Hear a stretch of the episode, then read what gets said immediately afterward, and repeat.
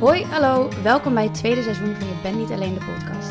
Ik ben Daisy May, werkzaam in de muziekindustrie en een groot liefhebber van zelfontwikkeling.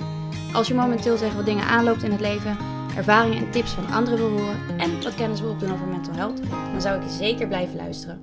Vandaag spreek ik met Stijn de Vries. Uh, je kan hem kennen van de BNN-Vara-doken Jong Geleerd Nooit Gedaan. Waarin hij vertelt over het feit dat hij nog maagd is, waarom dat zo is en hoe je daarmee om kan gaan. En vandaag ben je hier bij Je Bent Niet Alleen. Ja. Wat gezellig. Mega leuk. Leuk. En het duurde even, want volgens mij probeerden we al twee keer eerder af te spreken, maar... Ja, ik weet, want er was, er was een besmetting, een coronabesmetting, waardoor het niet kon. En er was nog iets. Maar... Ja, tegenwoordig is het altijd corona of ja. Uh, quarantaine of whatever, of iets. hey, uh, nou, welkom. Dankjewel. Vertel eens even iets over jezelf, want de mensen kennen jou misschien niet. Wie ben jij? Ja, ik ben dus uh, Stijn Vries, kom uit Twente, uit Almelo en ik woon nu in Amsterdam. Ik ben 23 jaar. Ik heb journalistiek gestudeerd in Utrecht. En ik, ja, ik ben nu ook eigenlijk journalist, tv-maker, fotograaf. Ik ben sinds kort bezig met acteren ook. Vind ik ook leuk. Je doet het dus, allemaal, geloof ik. nou ja, ja, blijkbaar wel. Dus ik, heel veel. Maar Was dat, je intentie ook uh, om dat allemaal een beetje te gaan doen? Want dat hoort denk ik ook wel een beetje bij de hele mediawereld qua journalistiek en zo. Ene keer ben je de redactie aan het doen, de andere keer ben je zelf misschien ook wel meer bij tv en film aan het maken of zo. Ja, en we zijn ook bij, bij Academy, zeg maar BNFR Academy, dat heb ik vorig jaar gedaan en afgerond. Daar zijn we ook echt heel erg opgeleid tot aura-makers. Dus uh, je moet kunnen presteren, je moet uh, productie kunnen doen, je moet redactie kunnen doen. Dus dat is inderdaad, qua tv maken is dat heel erg wat je nu gewoon moet kunnen. En daarnaast ben ik gewoon zo ongelooflijk uh, onrustig. Ik wil, en ik wil heel veel, dus ik, ik droom groot, ik wil heel veel, ik wil heel veel tegelijkertijd. Wat leuk. Dus daarom doe ik ook alles tegelijkertijd. Waardoor ik dus soms ook denk, oh. Wat moeten we nog meer weten over jou als persoon? Want je klinkt dan nu alsof je wel inderdaad heel enthousiast, heel veel energie, wel druk. Ja. En wat, is, wat weten we niet over jou? Wat, wat, wat, zien we niet? Want ik zie jou nu hier zitten, maar wat, wat weet ik niet als ik naar jou kijk? Dat ik champignons echt verafschuw. wat is dit? Vind ik zo goor. Ja. Champignons vind ik zo goor. Oesters ook. Oh. Nee, daarvan kan ik echt kotsen. Dat is mijn lievelings. Nee, oester. Nou, dan gaan wij niet op het terras oesters eten. Oh, nee. Ah, nee, dat trek ik niet. Um, mijn lievelings is bugels met spuitkaas. Ken je dat van dat hele chemische oh, soort smeerkaas tubetje? nou, dat vind ik, kan dat vind ik de hemel. Uh, Aziatisch eten ook. Het liefst Vietnamees of Thais. Um, en dat boven alles vind ik, denk ik, dus reizen het allerleukst. Ik weet niet hoe. Ik, volgens mij straal ik dat niet per se heel veel uit, omdat ik dus nu heel veel fotografie deel of inderdaad dingetjes over die serie. Maar reizen vind ik het echt het mooiste wat er is. Dus ja, dat zie je ook niet per se meteen. En, en ik ben heel ongeduldig. Ja? Ja. Hoe uitzicht dat dan bij jou? Mensen die sloom voor je wandelen in de stad, ik trek dat niet. Dan, dan ren ik er een soort van omheen. Snel um, geïrriteerd dan ook daardoor? Ja, wel lichtelijk. Zeg maar niet dat ik dan zo... Eh, weet je, dat vind ik dan zo heel irritant. Mensen gaan zuchten uh, terwijl ze dan om je heen lopen. Dan denk ik, doe rustig. Dat niet. Dus ik laat het niet per se heel, veel, heel erg zien. Maar ja, inderdaad, wel dat ik dan soms een beetje geïrriteerd raak af en toe. Ook heel ongeduldig in um, dingen halen. Dus ik wil, het, ik wil heel veel. Dus, doelen zeg maar, behalen. Ja, doelen behalen. Dus ik wil uh, de campagne schieten. Ik wil uh, een rol hebben in een film of in een serie. Maar ik wil daarnaast presenteren. En ik wil daarnaast een redactie doen. Alles. allemaal. Schrijven, weet je wel. Ik wil het allemaal. En dat, zeg maar, voordat dat een keer komt. En ik heb al best wel wat dingen, uh, ja, behaal, doelen behaald mm -hmm. die, ik, die ik had. Maar het komt me niet snel genoeg. Ik ben echt een beetje rupsje nooit genoeg. Daarin ben ik ook ongeduldig. En is dat dan iets wat je bestempelt als negatief? Of in ieder geval zou je daar iets aan willen veranderen? Ja, misschien uh, meer te. Ja, ik ben al heel tevreden wel. Ik ben wel echt zeg maar dankbaar voor, voor alles. Wat, voor, voor de mensen om me heen, voor het werk wat ik doe. Maar ik denk misschien iets, nog iets meer tevreden en rustiger worden in. Dit, weet je, het gaat goed het gaat steady. Het hoeft niet allemaal binnen een jaar. Weet je, dat hoeft niet voor mijn dertigste. Want anders ben ik dertig en weet ik niet meer wat ik wil. Weet je wel. Heb ik geen dromen meer om nog, uh, om, en doelen om nog te behalen. Um, maar ik denk iets, iets rustiger daarin worden of ja. zo. Misschien dat. Ja, als het goed is, ben je pas op 25% van je leven nu. Jij, laten we er gewoon even van uitgaan dat je 100 ja. wordt. Ja. Dat, dan heb je nog zoveel tijd om alles te doen. Ja. Dan hoef je helemaal niet zo te haasten, inderdaad. En dan daardoor ja, eventueel is dat stressen. Eigenlijk, hè? Maar terwijl ja, dat wordt ons toch opgelegd door eh, het, gewoon het hele medialandschap en de maatschappij. En Voel jij dat ook? ja, met vlagen. Het ene moment in mijn leven wel. Eh, bijvoorbeeld de momenten dat, dat ik, nou zoals nu, eh, op zoek ben naar een baan. Dan ineens wordt het heel erg, ineens alsof je in een heel klein kamertje zit, heel benauwd van... Ja, ik moet het wel echt nu doen. En het moet wel echt ook iets zijn wat bij me past en wat ik leuk vind. Want ik ben al zo oud. Nou, ik ben nu bijna 29. eh, en straks ben ik 30. En als ik dan een baan heb waarin ik weer eh, over twee jaar iets anders wil, ja, dan ben ik wel aan het falen. Dat zijn allemaal gedachten die dan door je hoofd heen gaan. Terwijl, Ja, terwijl, hoe Wat maakt het ja, uit? want je leert toch ook bij elke, elke stap die je zet, elke baan die je krijgt, elke vriend die je ontmoet, die later geen vriend meer is, weet je wel. Je leert van iedereen van alles wat. Dus ja, dat ja. is, eh, ik vind dat niet per se iets negatiefs of zo. Nee, ook niet. Maar soms kan het je wel nekken. Want dan eh, houd je jezelf daardoor... eh, je gaat heel kritisch dan kijken naar dingen. Zoals wat ik nu doe. Ik ben heel kritisch en ik wil... En heel erg een soort van tunnelvisie van ik wil alleen maar dat. Maar dan denk je, ja nee, wacht even. Ik heb ook nog echt mijn hele leven voor me. Tuurlijk ga ik niet nu een baan vinden waar ik de rest van mijn leven ga werken. Want dat zou wel echt Zou je dat ook willen zijn. trouwens? Nee, eigenlijk niet. Toch? Maar ook weer.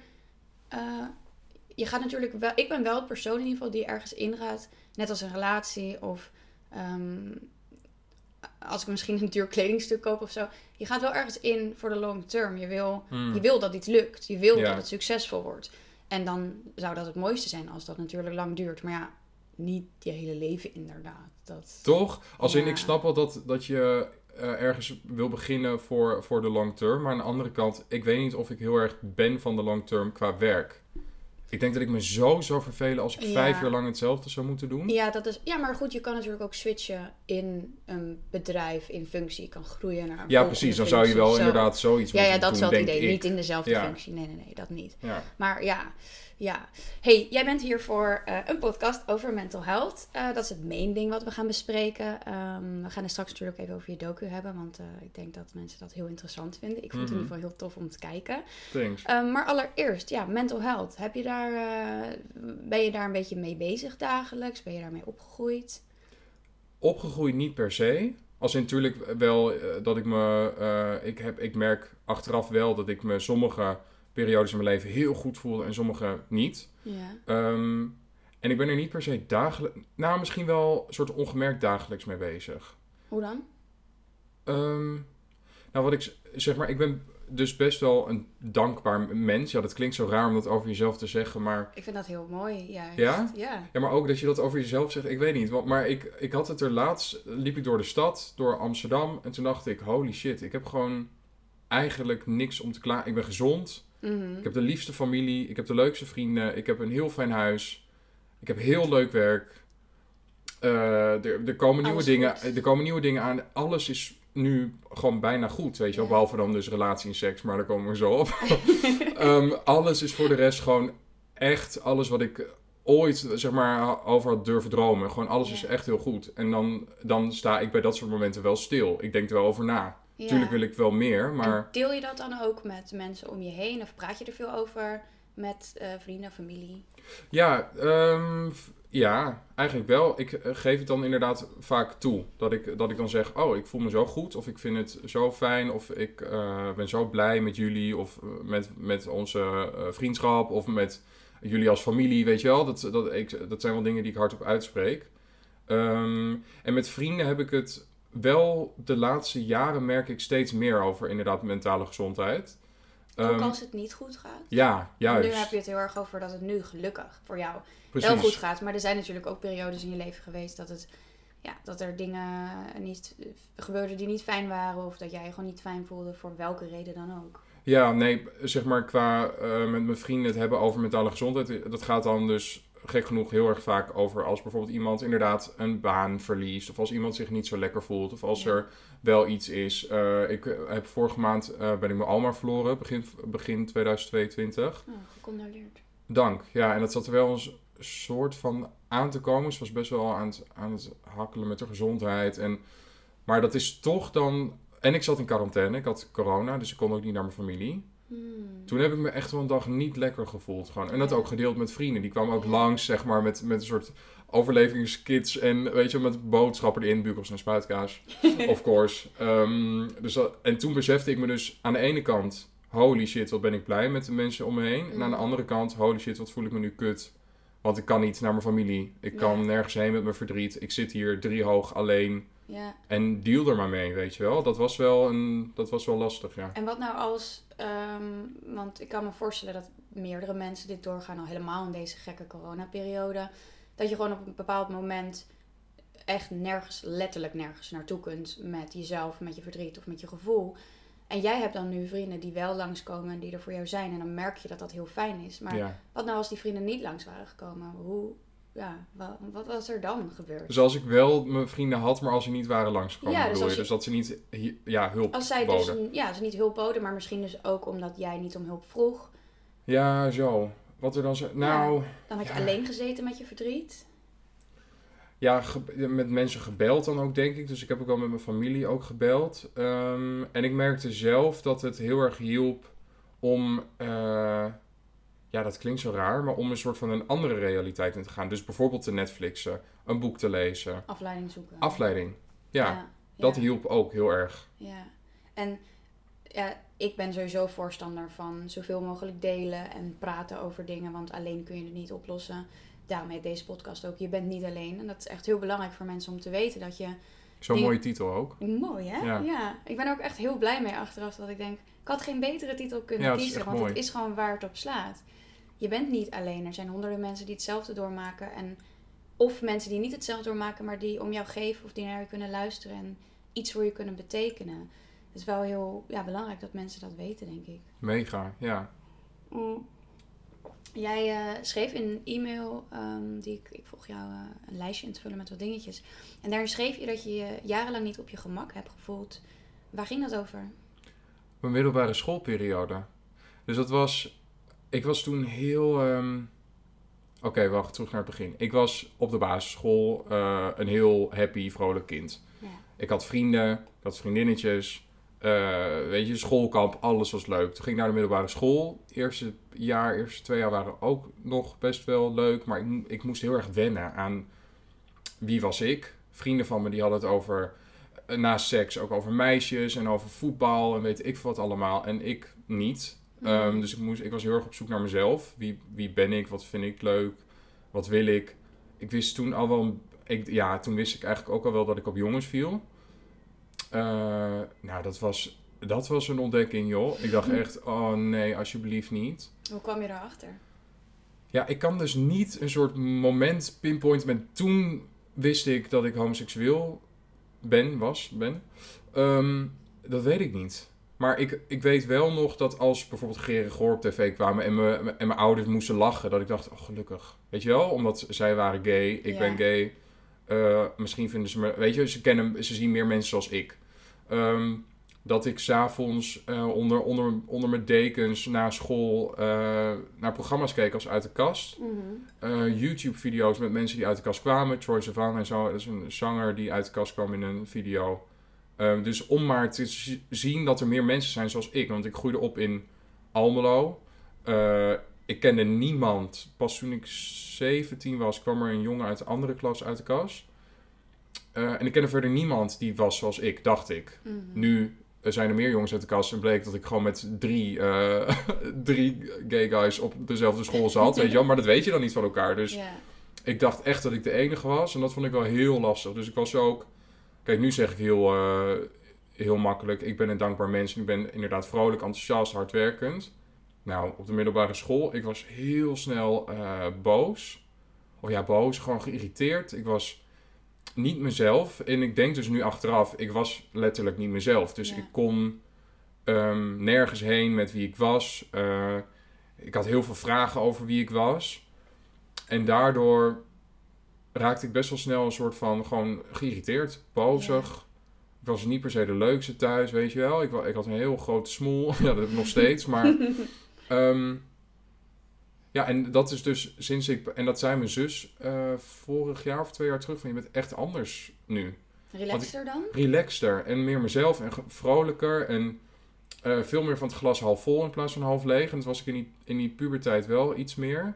En het was dus omdat ik heel erg gewoon probeerde te, conform- te conformeren naar de norm. Mhm. Maar ik, ik ben niet de norm. En dat wist ik toen ook al. En toen vond ik dat heel erg en nu vind ik dat heel fijn. Ja. En is dat dan in een plek waar jij vandaan kwam? Ik ben er nog nooit geweest, Almelo, maar eh het lijkt mij iets minder eh, stads en hip dan het grote Amsterdam. Eh, Zeker, dat is het ook. Is ja. het daar dan ook moeilijker? Had, was het voor jou misschien makkelijker geweest als jij was opgegroeid in een stad, in een grotere stad? Ik. Hmm, goeie vraag. Aan de ene kant denk ik van wel. Want inderdaad, hier, eh, zeg maar, ik heb gestudeerd in Utrecht nog vier jaar, ook gewoond. En daarna ben ik naar Amsterdam pas gegaan. En ik voelde me in Utrecht en Amsterdam wel veel meer mezelf, qua dat ik mezelf kon uitdragen zoals, ik- zoals ik ben. Maar, zeg maar, mijn familie was heel erg eh, accepting. Ze vonden Oh het allemaal helemaal prima wie ik was. En ze hielden alsnog van me. En dat zeiden ze ook, snap je? Dus Fijn. qua familie en omgeving, ja, nee, ik denk niet dat daar dan heel veel verschil in had gezeten. Alleen, nou ja, omgeving zeg ik, vrienden en klasgenoten, dat was wel een, dat was wel een ding. Want omdat je dus in een plek opgroeit waar je niet heel gauw mensen tegenkomt zoals jij. Kijk, als ik hier was, eh, opgegroeid in Amsterdam, en ik zag meer, eh, weet je, meerdere homomannen lesbische vrouwen, ja. dat was, ja, dan had ik en misschien ook sneller geweten, oh, ik ben een van hen en dat is prima, in plaats van Mhm. dat is kut. Ehm, ja, misschien wel. Ja, maar ja, goed, dat weet je nooit. Eh, en ik denk dat de tijd misschien, eh, want we hebben het er nu ook al over zo'n tien jaar geleden, dat dat ook heel veel ermee te maken heeft. Want nu leven we echt in een tijd waarin heel veel besproken kan worden, waarin we soms zelfs echt. eh, En toch dacht ik dat dat toen dus ook al was. Ja? Ja, Ja, inder- inderdaad, als je dan erin zit. Ik heb ook mijn jeugd nooit ervaren alsof we nergens niet over kunnen praten. Maar nu, met de kennis die ik nu heb en ik kijk terug, dan denk ik: Jeetje, ik zou.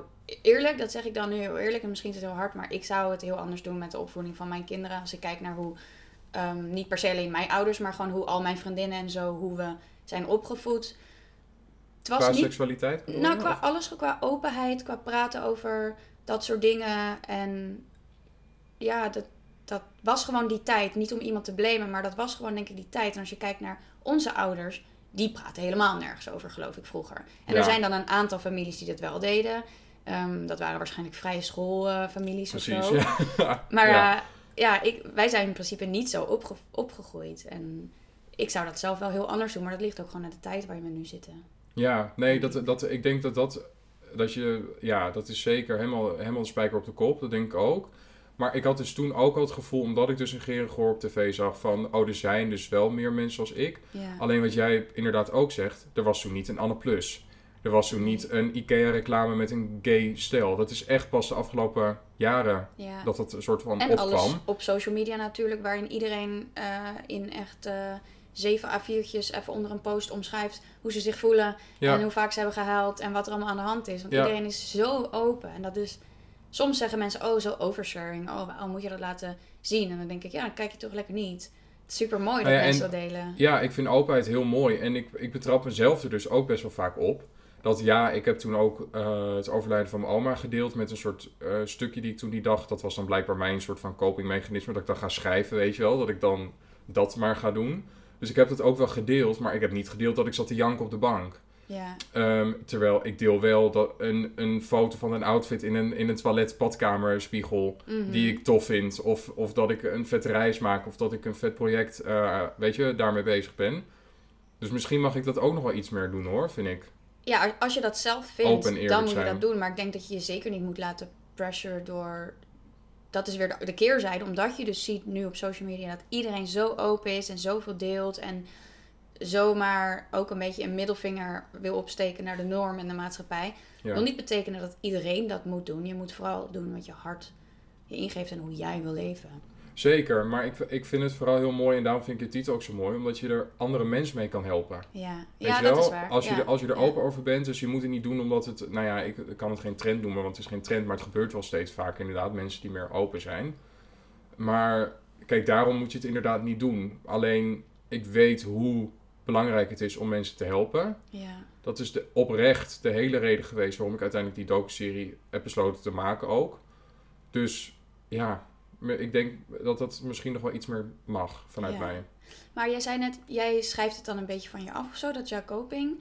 Ehm jij had ook een stukje geschreven laatst van de week over zelfmoord en, over zelfmoord en depressie. Ja. Wat was dat? Ja, dat is dus... Oh god, ja, ik sta mezelf hier echt mee in de vingers. Maar ik ben dus bezig met een boek. Maar Ja. maar ja, heel heftig misschien. Maar is dit dan uit eigen ervaring? Of Nee, nee. Dat Dus eh, zeg maar, nee. Dus ik heb volgens mij wel in die post ook iets gezegd over, over, het, over de, het fictieve project. Waar ik met, Mhm. iets met fictief had ik volgens mij nog wel bijgezet van... This is not about me. Maar ik ben dus ja, echt al twee jaar op en af aan het schrijven. Ik heb nu inmiddels 30.000, 35.000 woorden. Ah, dat is volgens mij heel veel. Ja en nee. ik denk dat Voor ik mij op- klinkt het heel veel. Maar ja, ik Ja, schrijf ik zet- een boek, dus ik ja, het is zeg maar, het is een derde, een vierde van een boek, basically. Van een beetje een gezellige roman, zeg maar. Dan is het eh een derde, een vierde. Vol, ja. Ja, volgens mij wel. En ehm, ja, daar ben ik dus nu mee bezig. Maar ik, ik ben dus zo'n zo'n ongelofelijk kutkind die dan dingen deelt die hij eigenlijk niet moet delen. Want ik heb nog niet eens een boekcontract, hè. Als in, ik zit nu zeg maar, Maar midden is in... juist goed, want nu heb je een stok achter de deur om echt door te gaan. Ja, en om dat echt te gaan ook. vechten voor dat boekcontract. Dat ook. En mensen zijn wel... Dat is echt... Dat vind ik zo bijzonder ook aan social media. Mensen zijn zo enthousiast. Ja. En dat ze het dan delen, dus dat ze wel reageren met: Oh, ik wil meer lezen, wat is dit? Weet je wel? En dan geeft het mij dan ook weer motivatie om door te schrijven, inderdaad. Ja. Maar ik zit daar nu echt middenin. dit? Waarom? Want het gaat dus niet over jezelf, dus je verzint het. En ik neem aan dat het thema wel iets is wat je dan belangrijk vindt. Want depressie, is- ja. dat kan- komt heel vaak voor. En zelfmoord is natuurlijk ook iets heel naars. Ehm, wat, wat wil je daarmee bereiken dan met dat boek? Nou, het is dus echt een verhaal die ik, die ik. Ik weet niet waarom, maar ik moet het vertellen. En dat klinkt zo raar en zo. misschien ook een beetje zweverig of zo. Ik weet niet hoe, maar ik, ik moet dat verhaal vertellen omdat ik vind dat het nog niet is verteld. En het gaat, het is, nou ik kan ook wel boeien, ik kan het ook wel zeggen waar het een beetje Oh, in grote lijnen over gaat. In groot, ja, dit is echt een primer. Ehm, er zijn twee jongens, eh, wonen in dezelfde stad. Ze kennen elkaar niet en op een gegeven moment eh, ja, komen ze elkaar tegen, ze worden verliefd op elkaar. Ehm, en ik schrijf vanuit meerdere perspectieven. Het gaat ook inderdaad dus over, ehm, ja, het wordt, het wordt niet een heel happy, gezellig, oh mijn god, dit is het leukste boek dat ik ooit heb gelezen, boek. Dat wordt het niet. Het wordt best wel een zware pil. Ken je ehm, Een Klein Leven van Hanya Yanagihara? Nee, maar iemand heeft die dus in de vorige aflevering, in twee afleveringen geleden, eh, een keer getipt. Dat Oh. hij dat hij moest lezen. Dit is Maar ik heb het dus, niet gedaan. dit is het mooiste boek ooit. Dit is mijn favoriete boek. Oké.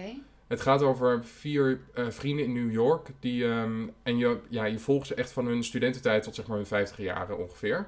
En een van die vrienden heeft dus een afschuwelijke jeugd gehad. En dat, zeg maar, hoe meer je leest, hoe meer je daar dan achter komt. Mijn hart, ik ben dus best wel een soort apaat af en toe. Mijn hart brak. Ik heb Ah. echt, ik, de laatste bladzijde had ik toen gelezen. Het was thuis bij mijn ouders in de lockdown tijd, tweede Mhm. lockdown of zo. En ik had hem uit. Ehm, ik had er ook eindelijk de tijd voor, ook door corona. Want het is echt zo'n dik boek, hè. Iets van 700 pagina's, dacht ik. En ik had hem uit en, zeg maar, die hoofdpersonages bleven gewoon nog een week in mijn hoofd zitten. Spoken. Zo goed is dat boek. Het is, ja... En inderdaad, het heeft me wel geïnspireerd om niet zo'n poezelig boek te schrijven met... Oh, het leven is zo fantastisch en... Ja. Roze dus geur, ook gewoon maneschijn. iets realistisch, echt om... Dus ook Ja. misschien mensen daarmee te helpen en dingen, Precies. boodschap door te geven. Ja, ik, dat is inderdaad eigenlijk, nou ja, als je dat nu zo zegt, misschien is dat wel een soort van tot nu toe alles wat ik probeer te doen in, op elk mogelijk vlak. Dus de columns die ik schrijf, ik heb columns geschreven over mijn homoseksualiteit, waar ik reacties op heb gekregen met dank voor je openheid. Tof. Ik heb die serie gemaakt waarbij, waarbij mensen massaal reageerden met ik ben ook nog maagd of ik was ook laat of eindelijk dank voor dit ge- nieuwe geluid. Ik maak foto's zonder te photoshoppen omdat ik mensen mooi vind zoals ze zijn. Weet je wel, dus Ja. misschien dat dat het ook wel is. Dat ik gewoon, inderdaad wat jij ook zegt, mensen wil helpen met... Je bent niet alleen, je bent goed zoals je bent. Ja. Eh, en dat wil ik dus met dit boek ook doen. Maar ik, het is wel lastig, want het is fictief. Hmm. Dus het is bijna allemaal bedacht. Tuurlijk, eh, dingen als in de kast zitten en daar niet mee weten om te gaan. Zoals ik zei over mijn puberteit. Dat, dat weet ik wel. Maar er zijn zoveel dingen bedacht. Vet mooi. Oh, wat Ja. cool. Ik ben benieuwd. Hoe lang... Hoe lang... Zullen we, zullen we een datum afspreken? Ah, oh nee, Zal ik een deadline niet. met je afspreken? Ja, nee, dit is dus echt... Ik zit er dus echt middenin nu. Ook met zeg maar ehm, het, het zeg maar klaarmaken om mogelijk te sturen naar Oké, ik ga je Dus over een half jaar ga ik je weer checken. En dan geef ik je even een schop onder je hol als je nog niet heel veel verder bent gekomen. Ik denk, nou, dit is dus, oké, jongens, mag ik zeggen dat het 22 februari 2022 is? Ja hoor, ja. En ik zag dus vandaag dat, dat ehm, en dat is niet per se iets waar ik heel erg in geloof, maar ik ben er wel mee bezig met ook manifesteren en dingen opschrijven. En ik zag dus dat vandaag de dag is om dat te doen. Ik heb het letterlijk vanmiddag gedaan. Goed zo. En ik heb onder andere opgeschreven binnen nu en drie maanden een boekcontract. Oké, nou gaan we doen. Dit is jouw, eh, dit is, dit is jouw, jouw call gewoon. Doe je dat vaker, manifesteren? Ja. Ja, en dat, daar... dan? Want even voor de mensen die dan niet weten wat manifesteren is. Want ik heb echt wel het idee dat dat iets van de laat... Natuurlijk bestaat dat al miljoenen jaren. Ja, maar het is nu de laatste tijd echt- inderdaad gewoon bijna hip. Het ja. is bijna hip inderdaad. En manifesteren is eigenlijk niets anders dan positief denken en dromen over wat je wil gaan bereiken. En dat doen alsof je het al hebt bereikt. Ja, toch? en het hardop Oh uitspreken ja, en hardop ook. uitspreken. En ja. dat hardop uitspreken is eigenlijk ook een les die ik heb geleerd van eh, toen ik stage liep bij Linda.nl van Hilda van der Bijl, die destijds Mhm. eh, hoofdredacteur was van het blad. Zij zei, je moet dingen uitspreken als je het wil. Weet je wel, niemand ruikt of jij fotograaf wil worden, of je die bepaalde functie wil, of je misschien iets, een nieuwe kant op wil. Dat moet je allemaal uitspreken. En daar begon het een beetje bij mij. En toen later kreeg ik inderdaad vrienden van me zijn ook mee bezig met manifesteren. Toen ging ik me er zelf in verdiepen. En het is inderdaad opschrijven. Ehm, het hardop uitspreken. Dus of dat nou naar anderen is, dat doe ik ook wel eens van ik wil heel graag dit programma doen of ik wil heel graag zus en zo. Eh, naast dat kun je het ook gewoon, gewoon in de universe, gewoon dat je het hardop Ja. uitspreekt terwijl je in bed ligt of terwijl je weet Of je veel. schrijft gewoon- het op in een schriftje Of je schrijft het op een post-it en je plakt het gewoon ergens. Ja, en er zijn Ja. mensen, en ik merk wel dat er, sommige mensen zijn er heel fel over, die denken echt, ja, doe even normaal, dit werkt toch niet, doe, doe normaal. En anderen zeggen, ja, maar het werkt echt. Het is En- ook niet iets, denk ik, wat werkt. Het is meer iets van... Het is niet een soort van magisch trucje en je knippert, knipt in je vinger en je denkt... Dit gaat gebeuren en dit werkt zo. Nee, zo werkt het niet. Ik denk dat het is, omdat jij ermee bezig bent... Ga je automatisch daar een beetje naartoe leven. En, Precies. ehm, Het zit in je kom- hoofd. Ja, dan ben je er gewoon mee bezig. En wellicht dat het zonder dat ook was gelukt. Maar dan word je heel veel afgeleid door andere dingen. Nou, en dan daardoor moet- zou het kunnen mislukken. Ja, en je moet, want dat is dus het, het, het ding wat heel veel mensen er niet eh, van begrijpen, is dat je moet het hardop uitspreken en het opschrijven en ermee bezig zijn. Mhm. Absoluut. Maar daarna moet je concrete stappen zetten Ja. om eh, ervoor te zorgen dat het doel lukt. Snap Ja. je? Ik zou bijvoorbeeld Try Before You Die doen. Dat Mhm. lijkt me, nou dit is dus ook manifesteren, want je zegt het hardop. Ja. Lijkt me geweldig. Flikker mij uit een vliegtuig. Laat mij, weet ik veel, een soort van een tijger knuffelen. Nou, trouwens dat niet, maar gewoon gekke shit doen. Ja. Dat lijkt me enig. Nou, ik dat zie is jou dat ook wel doen. echt. Ja. Nou, ja. oh, dan ben ik echt, dan, Ja. dan is mijn jaar helemaal gemaakt. Maar dat zou ik dus heel graag willen. En dan kun je dus nadenken over, ja, hoe, hoe, ehm, hoe breng je die boodschap? Want niemand, gaat, niemand kan ruiken of ik try wil doen of niet. Mm. Dus ik zit nu ook daarover na te denken van, ja, dat moet ik dus dan wel een soort van dan aan mensen gaan vertellen op kantoor. Of ja. misschien een mail sturen, Dat weet hoor ik je. veel. Ik zag het laatst, ik weet even niet meer wie het was, maar ehm, iemand deed mee aan Expeditie Robinson en er was zo'n interview. En toen zei die persoon ook van ja, ik heb denk ik echt al vijf jaar lang iedereen die het wilde horen verteld dat ik hier heel graag aan mee wil doen. En op een gegeven moment is dat bij die productie terechtgekomen en dachten ze, oh ja, inderdaad, zij bestaat ook, nou laten we haar dan maar. Snap je? eh, ja. Dat is, dat is Zo het hele het ding. Ja, Emma klopt. Wortenboer, die de, die de puntentelling voor Eurovisie Songfestival mocht doen, die heeft Mhm. het volgens mij in allerlei interviews gezegd. Dat is mijn allergrootste droom. Ja, klopt. Weet je wel, je moet dingen uitspreken. En ja. Ja. het hoeft niet, maar het werkt, het helpt echt. Maak je ook wel eens eh, een vision board? Dat heb ik vorig jaar geprobeerd. Ik, eh, ik had het er laatst nog over met een vriendin. Ik heb het voor dit jaar nog niet gemaakt. Maar heb je die van vorig jaar dan nu al eens bekeken en gekeken of daar dus eh, iets van waar is? Want een vision board is dus een board waar je allemaal ja, dingen, foto's, eh, logo's, eh moodboardachtige plaatjes of mooie foto's mensen of whatever ja, opzet, opzet, die ja. jij soort van inspirerend vindt, waar jij graag ook zou willen staan, wat jij ook zou willen doen. Eh, of misschien echt letterlijk bedrijven waar je voor zou willen werken. Ja, hij staat erop. Vorig jaar, vorig jaar heb ik dus een foto, ehm, inderdaad zo'n moodboard gemaakt. En heb ik een foto erop gezet van een boek. Nou, dat is Ehm, toch goed. Van een tijdschriftcover. Ik had vorig jaar mijn eerste tijdschriftcover gefotografeerd. Zie je, dit zijn wel de dingen. Geld, Je maakt nou dat dan weer niet. geld. Eens een keer als, als een als- Ja, maar alles wat je shit. nu hebt gedaan, is misschien wel weer een soort van zaadje planten voor het geld dat in de toekomst gaat komen. Precies. Toch? Ja, en, Kijk, en je hebt wel een docu gemaakt voor BNN. Weet je, Ja. dat is dat, eh, dan wat daar allemaal uit voort gaat komen, misschien over vijf jaar, ben je daardoor wel heel ergens heel Oh, hoog en heel veel geld aan het verdienen. Dus ik denk Oh. dat dat geld ook wel... eh, dat denk ik wel. Can't wait. Maar je moet er nog even eentje maken voor dit jaar. Ik had dus voor vorig jaar, wat is het? Ja, 2021 had ik er eentje gemaakt. Dat was mijn eerste keer dat ik er één maakte. En ik dacht, oh, dat vind ik eigenlijk wel leuk. En ik liet hem elke keer openstaan eh op mijn computer. Dat ik gewoon één keer in de drie weken, dan opende ik hem even. En dan ging ik gewoon alle plaatjes weer langs. Ik had foto's, ik had een paar merken waar ik dan graag mee zou willen werken. Ehm, en ik had een foto, die had ik van eh, Google gehaald, van een jongen en een meisje. Want ik wilde heel graag een relatie. Nou, dat is op zich niet nieuws, want dat wil iedereen wel. Ehm, maar op deze foto keek het meisje niet en je zag de jongen ook alleen maar van de zijkant. En dat vond ik ook juist wel heel mooi, want ik hoef niet per se iemand die dan op die foto leek. Maar ik wil gewoon iemand die lief is. En die jongen sloeg zijn arm op dat meisje heen. Eh, en die jongen die was echt twee koppen groter dan dat meisje. Ehm, en verder zag je helemaal niks herkenbaars. En nu heb ik dus een vriend. En mijn vriend is twee koppen groter dan mij. En ik keek zo laatst naar die foto en toen dacht ik... Rot op. Dit is zo'n foto van de zijkant. Waar je niet echt kan zien hoe iemand eruit ziet. Maar het zou wel mijn vriend kunnen zijn in principe. En het was een meisje met blond haar. Nou, vroeger had ik blond haar. Eh, dus dat vond ik eigenlijk wel geinig. Dat ik dacht, oh ja, zie je. Je moet dat soort dingen gewoon inderdaad uitspreken. Dat is echt gesto... Oh, dat moet ik... Ik moet gewoon inderdaad een vision board maken met seks erop. Nou ja, dat kan. Nou. Ja. Maar het is, vision board is ook niet, denk ik, per se de dingen die je.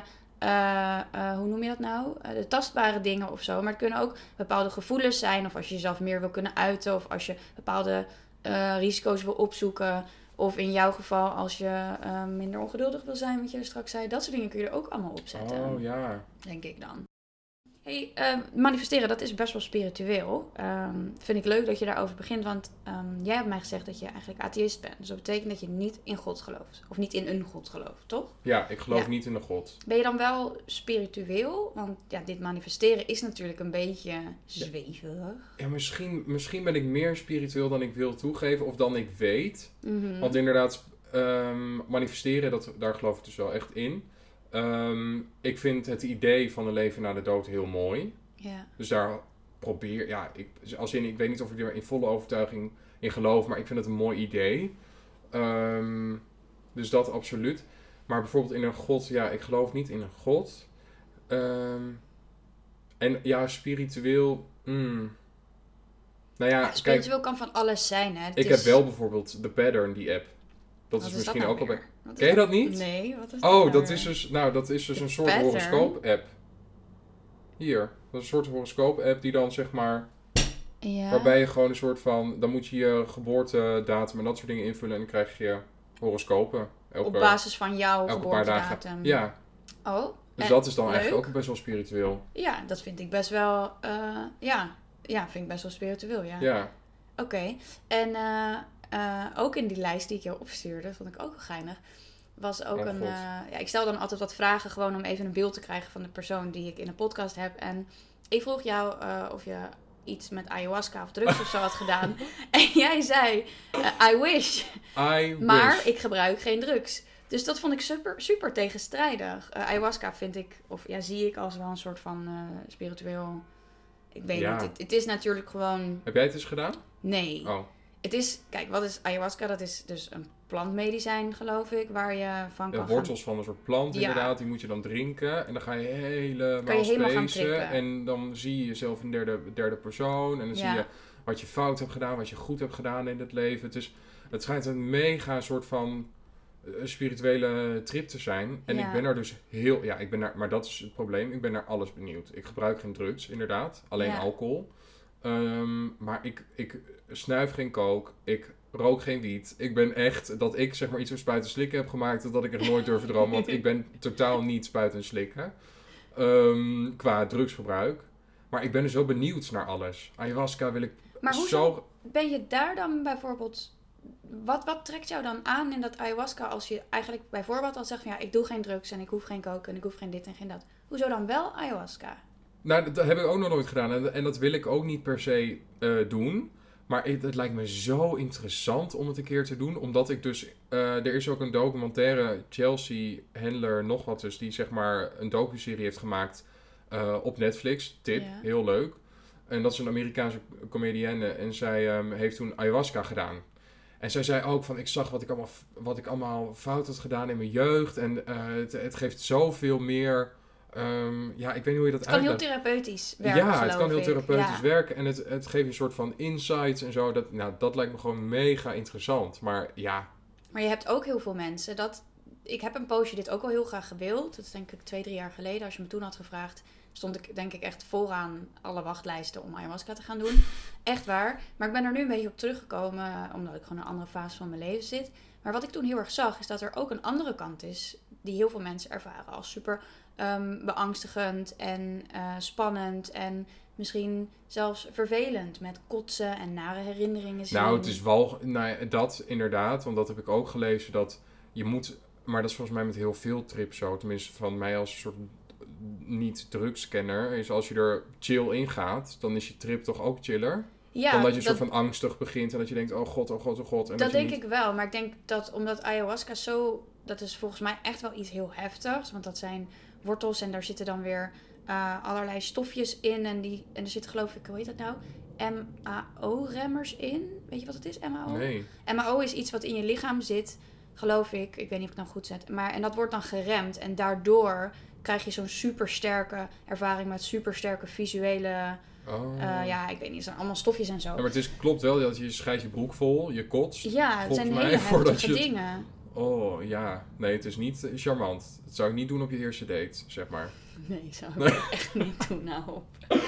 Oh, wat erg. Eh, maar, maar dat, ja, ondanks dat je dan geen drugs gebruikt, zou je dat dan toch willen? Om er ik ergens denk- achter te komen of zo? Of Nou, om jezelf beter dus- te leren kennen? Ik ken mezelf dus best wel goed. Ik heb niet per se nu iets wat, waar ik dan...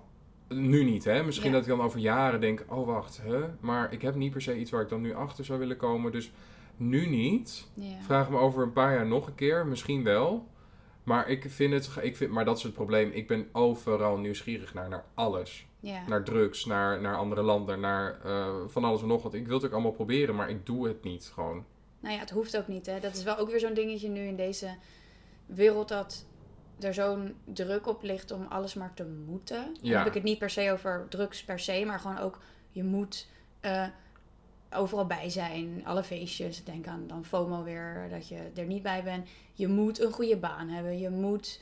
ehm, Sport, sporten, Sporten. je moet gezond eten, je moet eh, verre reizen maken. Want Frankrijk is, voor, zeg maar, is niet in. Ja. Weet je wel, Je er is, moet naar ja, Bali of je moet naar Bali of naar een jungle in. Peru, weet je wel. Of Mexico, waar heel Nederland nu zit. Dus zeg maar, tuurlijk, dat, er is heel veel wat je moet, inderdaad. En daar, heb ik, daar krijg ik dan ook wel een beetje jeuk van. Alleen ja, heel eerlijk, sommige dingen, dan denk ik, word ik wel een soort van geïnfluenced met, oh, misschien moet ik dat dan ook maar gaan doen. Ja, dus je bedoelt van het, het... Aan de ene kant is het een soort van negatieve... eh, hoe noem je dat? Ja, eh, vibe van dat alles maar moet en dat we altijd Ja. maar gehaast moeten zijn en druk moeten zijn. Maar aan de andere kant kan het je ook motiveren of inspireren. Bedoel je? Ja, zeker. Ja. En soms, eh, soms is dat gepusht, denk ik ook, kan ook wel goed werken. Want ik haat te sporten. Haat te sporten. Echt tot op, tot op het bot. En nu ben je geïnfluenced. En nu ben ik geïnfluenced om zeg maar te gaan sporten hier en dingetjes te proberen. En nu ben ik rowcycle fanaat. Oh ja. Dat spinnen. Ik vind boksen fucking leuk en ik voel me er ook veel beter door, weet je wel. Dus Ja. uiteindelijk soms kan het dan Dus ook... soms kan het ook gewoon helpen. Ja. Ja, oké. Cool. Ehm, jij zit hier natuurlijk, eigenlijk gewoon ook omdat je een hele toffe vent bent. Oh. Maar eh, jij hebt een docu gemaakt over het feit dat je maagd bent.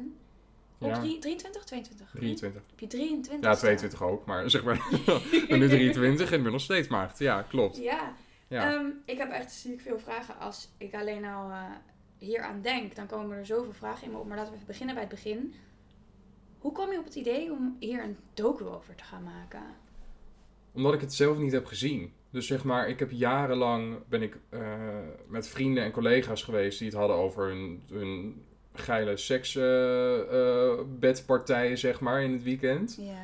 En elke keer dacht ik, nou, leuk voor je. Ik heb geen idee, want ik weet niet hoe het is. Zei je dat dan ook? Soms wel, soms niet. Dus vrienden die wisten het wel. Collega's niet per se altijd. Maar eh, heel veel mensen wisten het op zich wel, want ik maakte er niet per se een geheim van. Ja. En dus zij had het allemaal over seks en dat het allemaal zo leuk was. En ik dacht alleen maar, nou, ik heb oprecht geen idee. Toen ging ik naar BNFR Academy, na mijn studententijd waarin ook iedereen het had over seks. Ging naar Mhm. Academy waar je op een redactie komt. BNFR, eh zeg maar de Academy, weet je, dat zijn allemaal jongeren Mensen zijn best wel vrij, Want daar eh, leer open je eerlijk. eh, tv maken. Precies, dus Ja. een opleidingstraject voor tv-makers. En ik kwam na 100 auditierondes voor mijn gevoel in die pool terecht. wa- waardoor ik dat traject mocht doen dat jaar.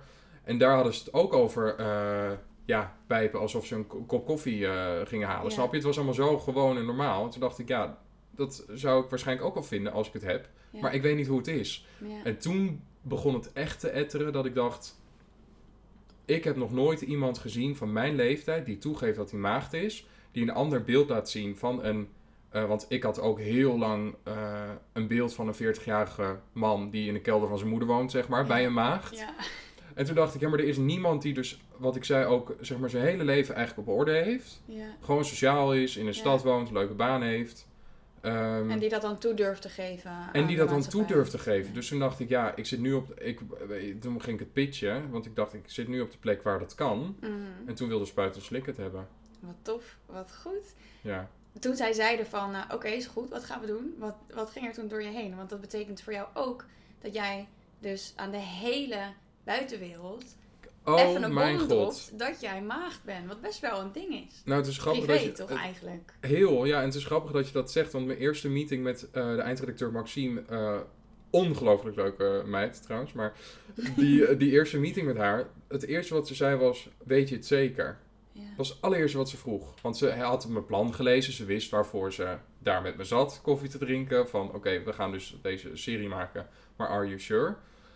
En toen dacht ik, ja, kut. Het is inderdaad, het heeft zoveel invloed op mijn persoonlijke leven ook. Omdat je googelt nu mijn naam en je ziet Stijn de Vries onderzoekt of die op maag moet worden. Een van de artikel van, van een krant of van een, van een site waar dat nu op staat. En ik stalk altijd namen en dingen voordat ik op date ga. Dus mensen weten het nu. En als ik op date ga met jongens en ze googelen mijn naam, weten ze het ook. Dus ik moest er wel even over nadenken. En inderdaad, toen ik de, de trailer moest posten, 1 december, ik weet het nog echt precies. Gewoon, het zit gewoon ge- echt op mijn brein getatoeëerd. Klotsende oksels? Ja. Klotsende oksels. Ik had echt, ik zat gewoon te trillen, hè. ja, ik snap het Ik wel. dacht echt, fucking hell, ik ga, ik ga nu gewoon... Dat was eigenlijk nog het enige geheim wat ik had. Want zeg maar, mijn homoseksualiteit was bekend. Mhm. En dit was dan een soort van... Het voelde ook echt opnieuw, als opnieuw uit de kast komen, letterlijk. En toen postte ik het. Toen legde ik mijn mobiel weg. Toen ging ik ijsberen in mijn woonkamer. Omdat ik dacht, oh, ik wil, niet, ik wil niet kijken, ik wil niet kijken, ik wil niet kijken. En na tien minuten keek ik toch, want ik ben en Insta verslaafd. En Ja. ik was gewoon benieuwd van wat is de tendens. Zijn mensen enthousiast, weet je wel? Of, vinden ze, of zeggen ze allemaal, gadverdamme, hè? Want dat, was, dat is letterlijk door mijn hoofd gegaan. Dat ik gewoon alleen maar haat zou krijgen. Omdat het zo groot werd in zeg Mhm. maar, omdat ik het zelf zo groot maakte. En toen keek ik en echt, nou, mijn telefoon ontplofte. Ik, de, Ja. zeg maar, de likes bleven maar komen, reacties en eh, mensen gingen het delen. Dus op een gegeven moment ehm, gingen zij het delen, ging ik dat weer reposten op mijn stories. En het begin van het filmpje is, ik ben Stijn, ik ben 23 jaar en ik heb een geheim. Ja. Maar als je zeg maar door stories stikt, op een gegeven moment heb je dan, ik had echt zonder gein, ik denk iets van 40 mensen die het deelden, die ik dan weer reposten, waardoor je op mijn stories de hele tijd, ik ben Stijn, ik ben Stijn, ik ben Stijn, weet je wel, een soort van dat de hele tijd hoorde. Dus eh, uiteindelijk was het heel positief en heel Dus- fijn. Even fast forward, want we gaan zo nog even de tussengedeelte bespreken natuurlijk. Maar even fast forward naar nu. Was het het waard? Het was het waard alles en meer gewoon. Ja. Wat heb je hier uitgehaald? Drie Wat- dubbeldwars. Wat, wat heb je hier... eh, Dat er niet zo'n ding is. Dat ik had 23 jaar lang dacht ik, holy shit, ik ben de enige, ik ben raar, eh, ik ben lelijk waarschijnlijk, dat ik daarom geen seks heb gehad. Er zijn zoveel dingen door mijn hoofd gegaan waardoor ik dacht dat ik de enige was. En door het maken van deze serie, door het praten met de seksuoloog Kaat Bolle, een geweldige Belgische vrouw, Vlaamse vrouw, Belgische vrouw, nou, ja. Ehm, die zei ook van, waar maak je druk om? Ik, ik, ik zie zoveel eh, jongeren van jouw leeftijd die ook nog maagd zijn. Het is helemaal niet, het is niet zo'n ding, weet je wel. De leeftijd is ook op aan het schuiven van 17 naar 18 en een half. En dat was voor corona nog. Dus ik denk, ik gok dat het nu nog hoger ligt. De leeftijd van de maagding.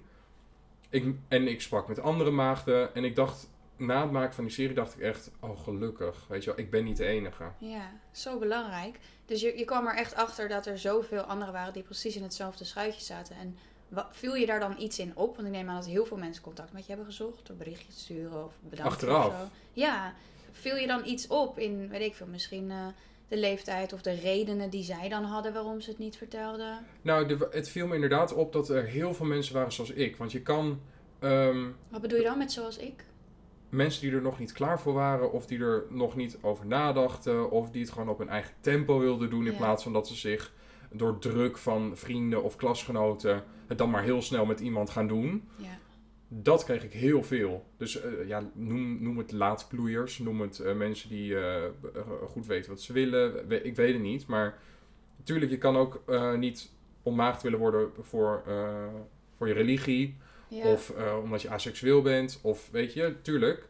Maar het gros van de berichten die ik kreeg ging daarover. Van ik, was, ik ben net als jij, ik wil gewoon met iemand die ik leuk vind op het juiste moment. En niet wanneer de maatschappij zegt, ga het met iemand doen. Ja. Heb je wel eens gedacht dat je aseksueel was? Of heb je dat, ben je dat wel eens op een gegeven moment, neem ik aan, als je... Ja, dan... Je had elke keer wel een reden om niet verder te gaan dan... eh, en om niet eh, seksueel te worden. Dacht je op een gegeven moment van... Ja, dus eigenlijk niet. Nee, oh, maar dan Gek, ken je jezelf denk ik toch ook wel heel goed. Ja, omdat zeg maar, ik, ik heb echt wel, als ik dus bijvoorbeeld een Michiel Huisman, Michiel als je luistert, bel me. Grapje, nee. Maar als ik een Michiel ook Huisman zie, of een knop... Wat, Michiel Huisman? Ja. ja, dat is toch niet normaal? Ja, heel knap. Zo knap. Ja. Maar weet je, ehm, ik had... Ja, ik had... ehm, ik weet helemaal niet meer wat ik wil zeggen nu. Ik zit, ik zit met mijn gedachten bij Michiel. gedacht dat je aseksueel was. Oh ja. Ja, als ik dan bijvoorbeeld types als Michiel Huisman zie, of als ik, eh, weet je wel, ik kijk ook porno net als de rest van Nederland. Het is niet alsof ik geen zin heb in seks. Ja.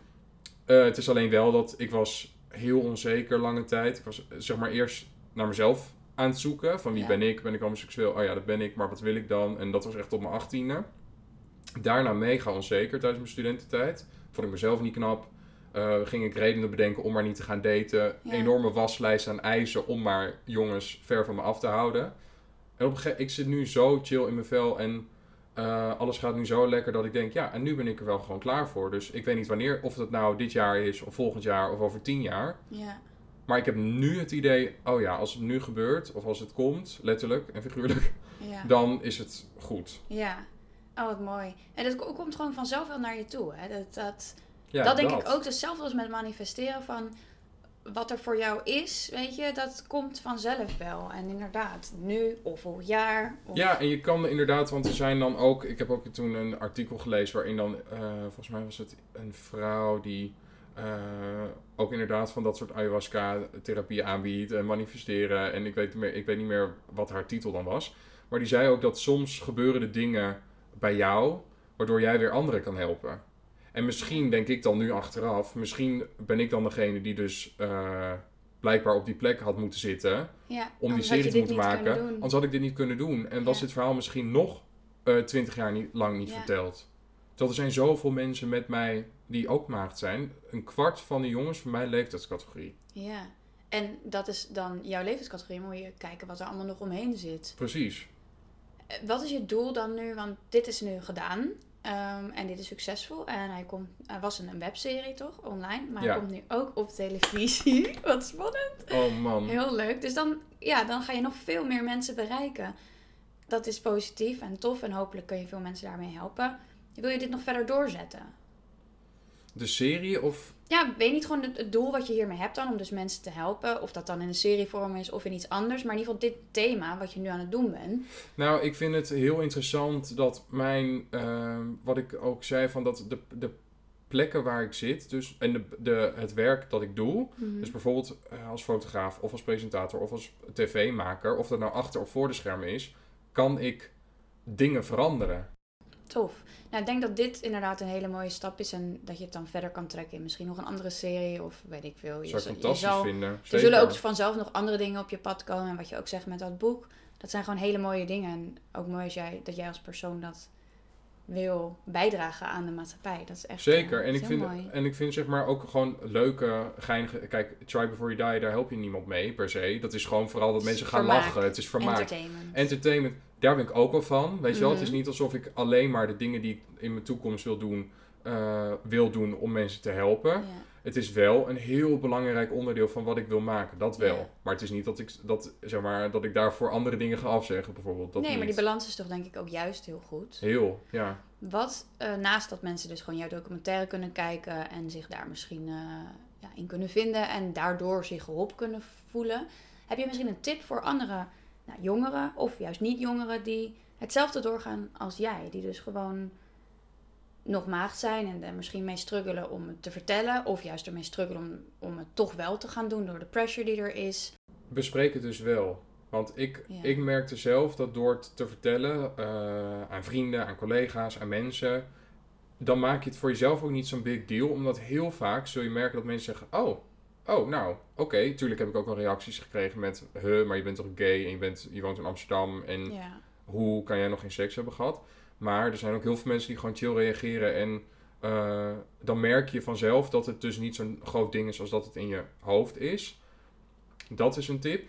De docu kijken. Ja, dit is echt een zieke reclame voor jezelf. Maar meer van Nee, oprecht. Kijk die docu. Ja, maar kijk die docu omdat... ehm Waar kunnen ze die kijken? Spuit en slikken YouTube kanaal. Oké. Jong geleerd, nooit gedaan. Nee, maar oprecht, kijk het. Je ziet nu ook dat jij dan niet de enige bent qua maagd zijn. En dat, het, is, het is niet zo'n groot ding als je het in je hoofd maakt. Weet Ja. ik nu. Maar waarom hebben wij er dan toch zo'n ding van gemaakt? Komt dat door de media of zo? Of? Ja, misschien ook. Het is ook een heel ouderwets begrip, vind ik. Maagd zijn. Want het, is, het wordt nog steeds ehm, dat als je penetratie hebt gehad, ben je pas ontmaagd. Terwijl heel Ja. veel mensen hebben andere vormen van seks. Ja. Je hoeft niet eh, gepenetreerd te worden of hetzelfde doen voordat je ontmaagd bent. Vanuit eh, historisch perspectief is het ook best wel iets wat ehm, uit het huwelijk kwam. Weet je wel, je bent maagd, dus je gaat als maagd het huwelijk in. Daarom heb je een witte trouwjurk aan. Eh, weet je wel, huwelijksnacht wordt je eerste keer. Terwijl dat is, ja, dat is zo'n, het is eigenlijk zo'n ouderwets. ouderwets iets. Ja, ja, en we leven nu gewoon in ten eerste een hele andere wereld. Al vind ik dat het vroeger, let's say 50 jaar geleden, dat het ook eh, ja, overrated was. En dat, dat Ja. die druk die er dus op lag. Ja, weet je, studenten die in klas 4 op de middelbare school al tegen elkaar zeggen: Heb jij het nog niet gedaan? Weet heb, je wel? heb Ik- nog geneukt? Ja, letterlijk. Ik zat Ja, in de economieles en, en jongens hadden het over vingeren. Dat ik denk, nou, ten eerste mij niet bellen. en, ten, en ten tweede, soort van, ik, ik ben nog een soort van aan het nadenken wat ik überhaupt wil in het leven. In plaats van al- over seks nadenken, weet je wel. Eh, Ja. Laat je ook niet meevoeren in die mega druk, inderdaad. Ja, die, je- die er best wel vaak In die is. hype gewoon eigenlijk wat het is. Ja, waardoor je dus Ja. misschien uiteindelijk heel snel dan maar met iemand het gaat doen. En daar later misschien spijt van gaat krijgen. Dat is zonde. Ja, ja, want het is helemaal niet erg. Het is normaal. En dat is het ook. Tuurlijk, er zijn een soort van twee kanten dan maar. Of je doet het wel, of je doet het niet.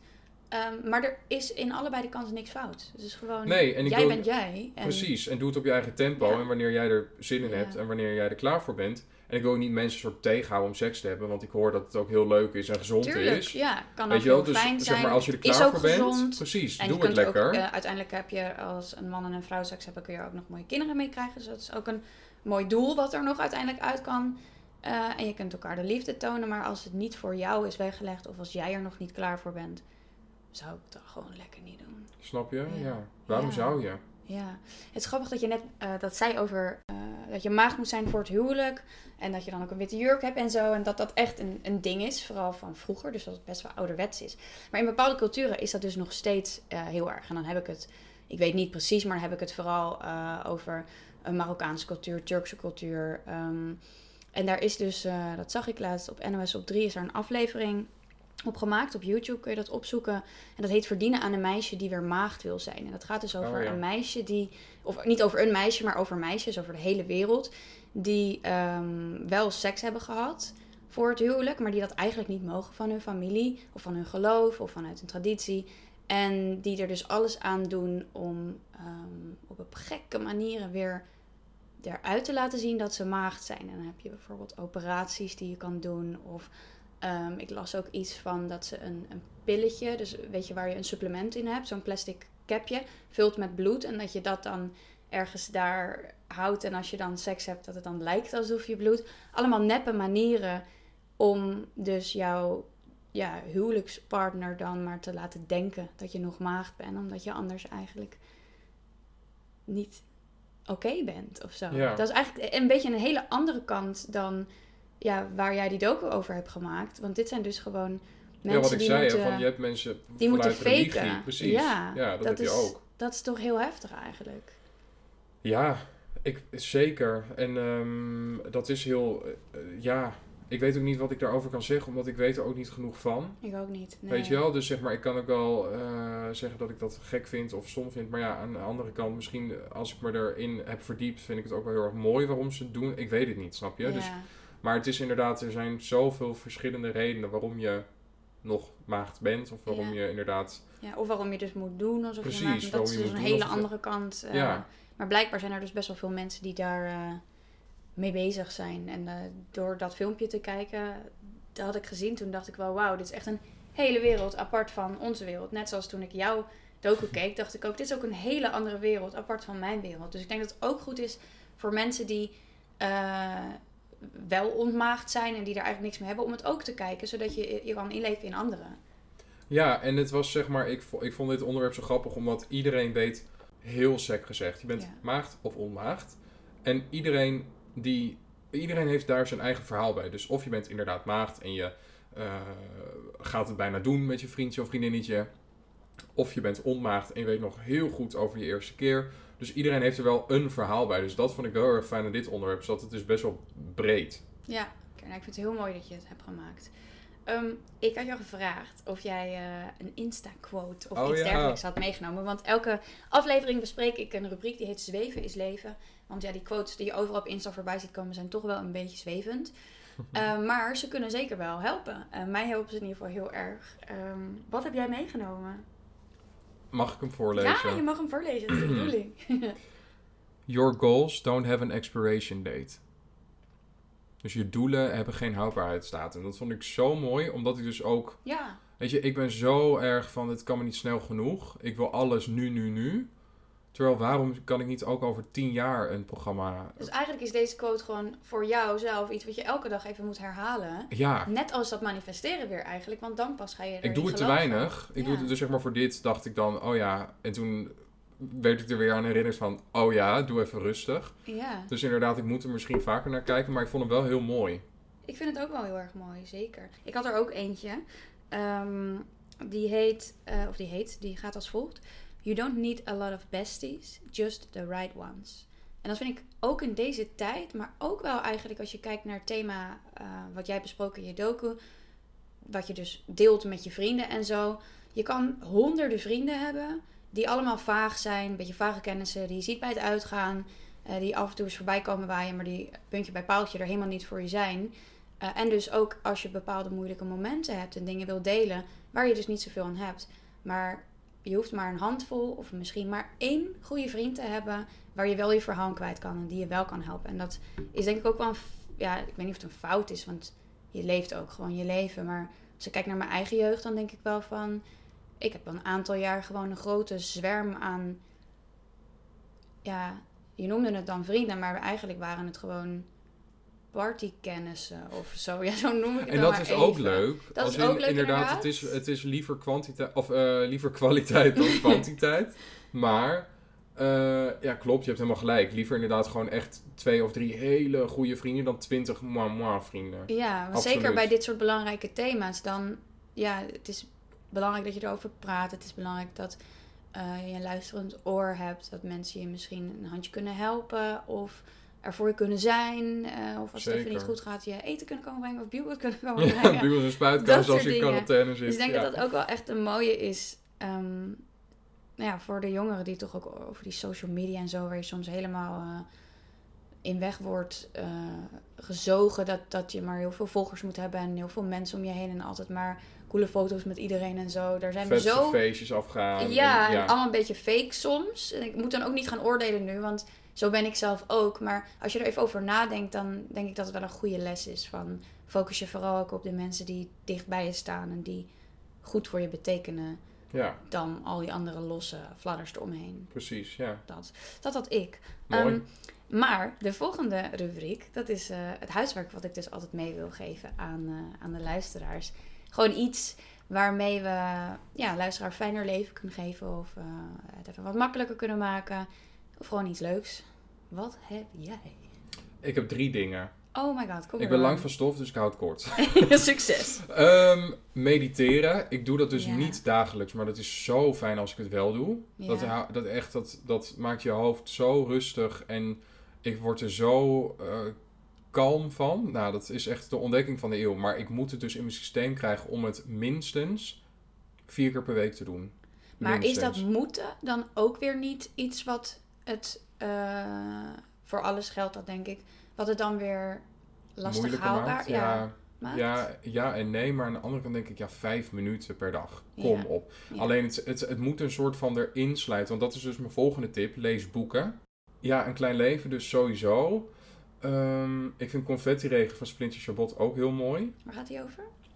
Eigenlijk is het een soort biografie over zijn jeugd. Ook over opgroeien als homoseksuele jongen. Die is echt, die is echt heel mooi. Eh, hij heeft wel een soort pseudoniem voor, voor hemzelf bedacht. Mhm. Zeg maar, de personage heet niet Splinter, maar Wobi, als ik het goed heb. Eh, dus dat is een heel mooi boek. Ehm, goh, even, even nadenken. Nee, is goed. Is Oh, genoeg. en ik ben begonnen aan Naar het Paradijs. Dat is het nieuwste boek van Hanya Yana Kihara. Dus die Dezelfde. meid van Een Klein Leven. Wat ik wist meteen, die moet ik dan hebben. Die is echt net uit. Ja. En die is ook heel goed. En heel weird. Maar wel Ook weer goed met weird. een boodschap, zo echt. eh, Zeker. Ja, ze heeft bijvoorbeeld, dat kan, kan ik wel zeggen. Ze heeft bijvoorbeeld, ehm, het zijn drie eh, verschillende tijden. Dus zeg maar 19e eeuw, 20e eeuw, 21e eeuw. En dan New York. Volgens mij is Mhm. het 1893, 1993, nou enzovoort. En ze heeft een soort van de geschiedenis, want het is ook gewoon fictie. Heeft een soort van herschreven door ehm, te beschrijven hoe het had kunnen zijn als homoseksualiteit toen al geen ding was. Oh, oké. Dus die personage is gay, terwijl het is Ja. 1893 en iedereen vindt het prima. Snap je? Dat is Oh, zo wat iets wat ik nog nooit heb gelezen, dus dat vond ik echt heel tof. Interessant, denk ik. Heel, echt, echt een goed boek. En dus je doelen opschrijven en uitspreken. Dat is echt ook iets Ja. wat, wat je, waardoor je en het in plaats van in je hoofd ook zeg maar gewoon eh, op papier hebt, waardoor het misschien ook een soort van wat meer ruimte maakt. En dat is dus dat soort, ja, een beetje dat, dat stukje manifesteren. Ja. Gewoon wat gerichter Positive naar je thinking, doelen. Ja. En hoe vaak zou, zouden mensen dat dan moeten doen? Want ja, één keer Oeh. doen en dan voor de rest van je leven. Nee, een soort van Ja, elke maand? Ja, misschien elke maand dan, denk ik. Van wat is je doel voor dit maand? Ik heb bijvoorbeeld vanmiddag geschreven mijn doelen, mijn doelen voor dit jaar. Ja. Dus wat wil ik dit jaar allemaal bereiken? Het zijn er weer En je kan echt in de tussentijd natuurlijk ook even inchecken bij jezelf van... Ga ik nog steady om dit doel te behalen? En welke stappen heb ik al kan ik... precies ja. heb ik al stappen ondernomen om, om dat doel te behalen. Ja, zeker. Ja, of heb ik het al behaald? Kan ik het afstrepen? Ja, Wat is de volgende stap die ik ga doen? Ja, oké, dat vind ik wel een mooie.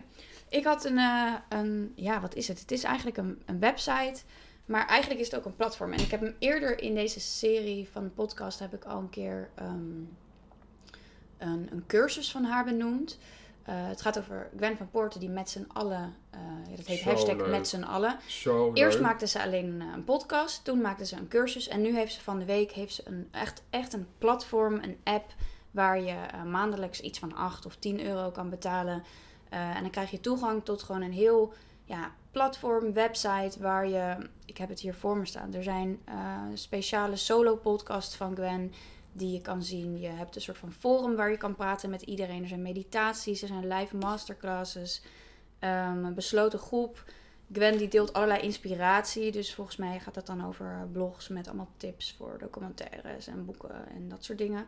En ze doen eh, echt van die challenge dat ze met z'n allen dan elke dag gaan mediteren. Eet smakelijk. Lekker Ja, cookie. sorry, ik pak, ik pak een stroopwafel. Zoveel zin in. Zit me al de hele tijd aan te kijken. Lekker, daar ik staan vind ze die podcast van Gwen zo goed. Tof hè? Ja, is heel leuk. En dat ze het nu ook breder wil trekken, denk ik ook echt dat, dat mensen gaat helpen. Want zij doet ook al dingen met boeken delen en dus elke dag mediteren. En dat wil ze gewoon, wat jij ook al zegt, dat is iets heel, eh, iets wat echt kan bijdragen aan even een rustiger hoofd en, en je chiller voelen en zo.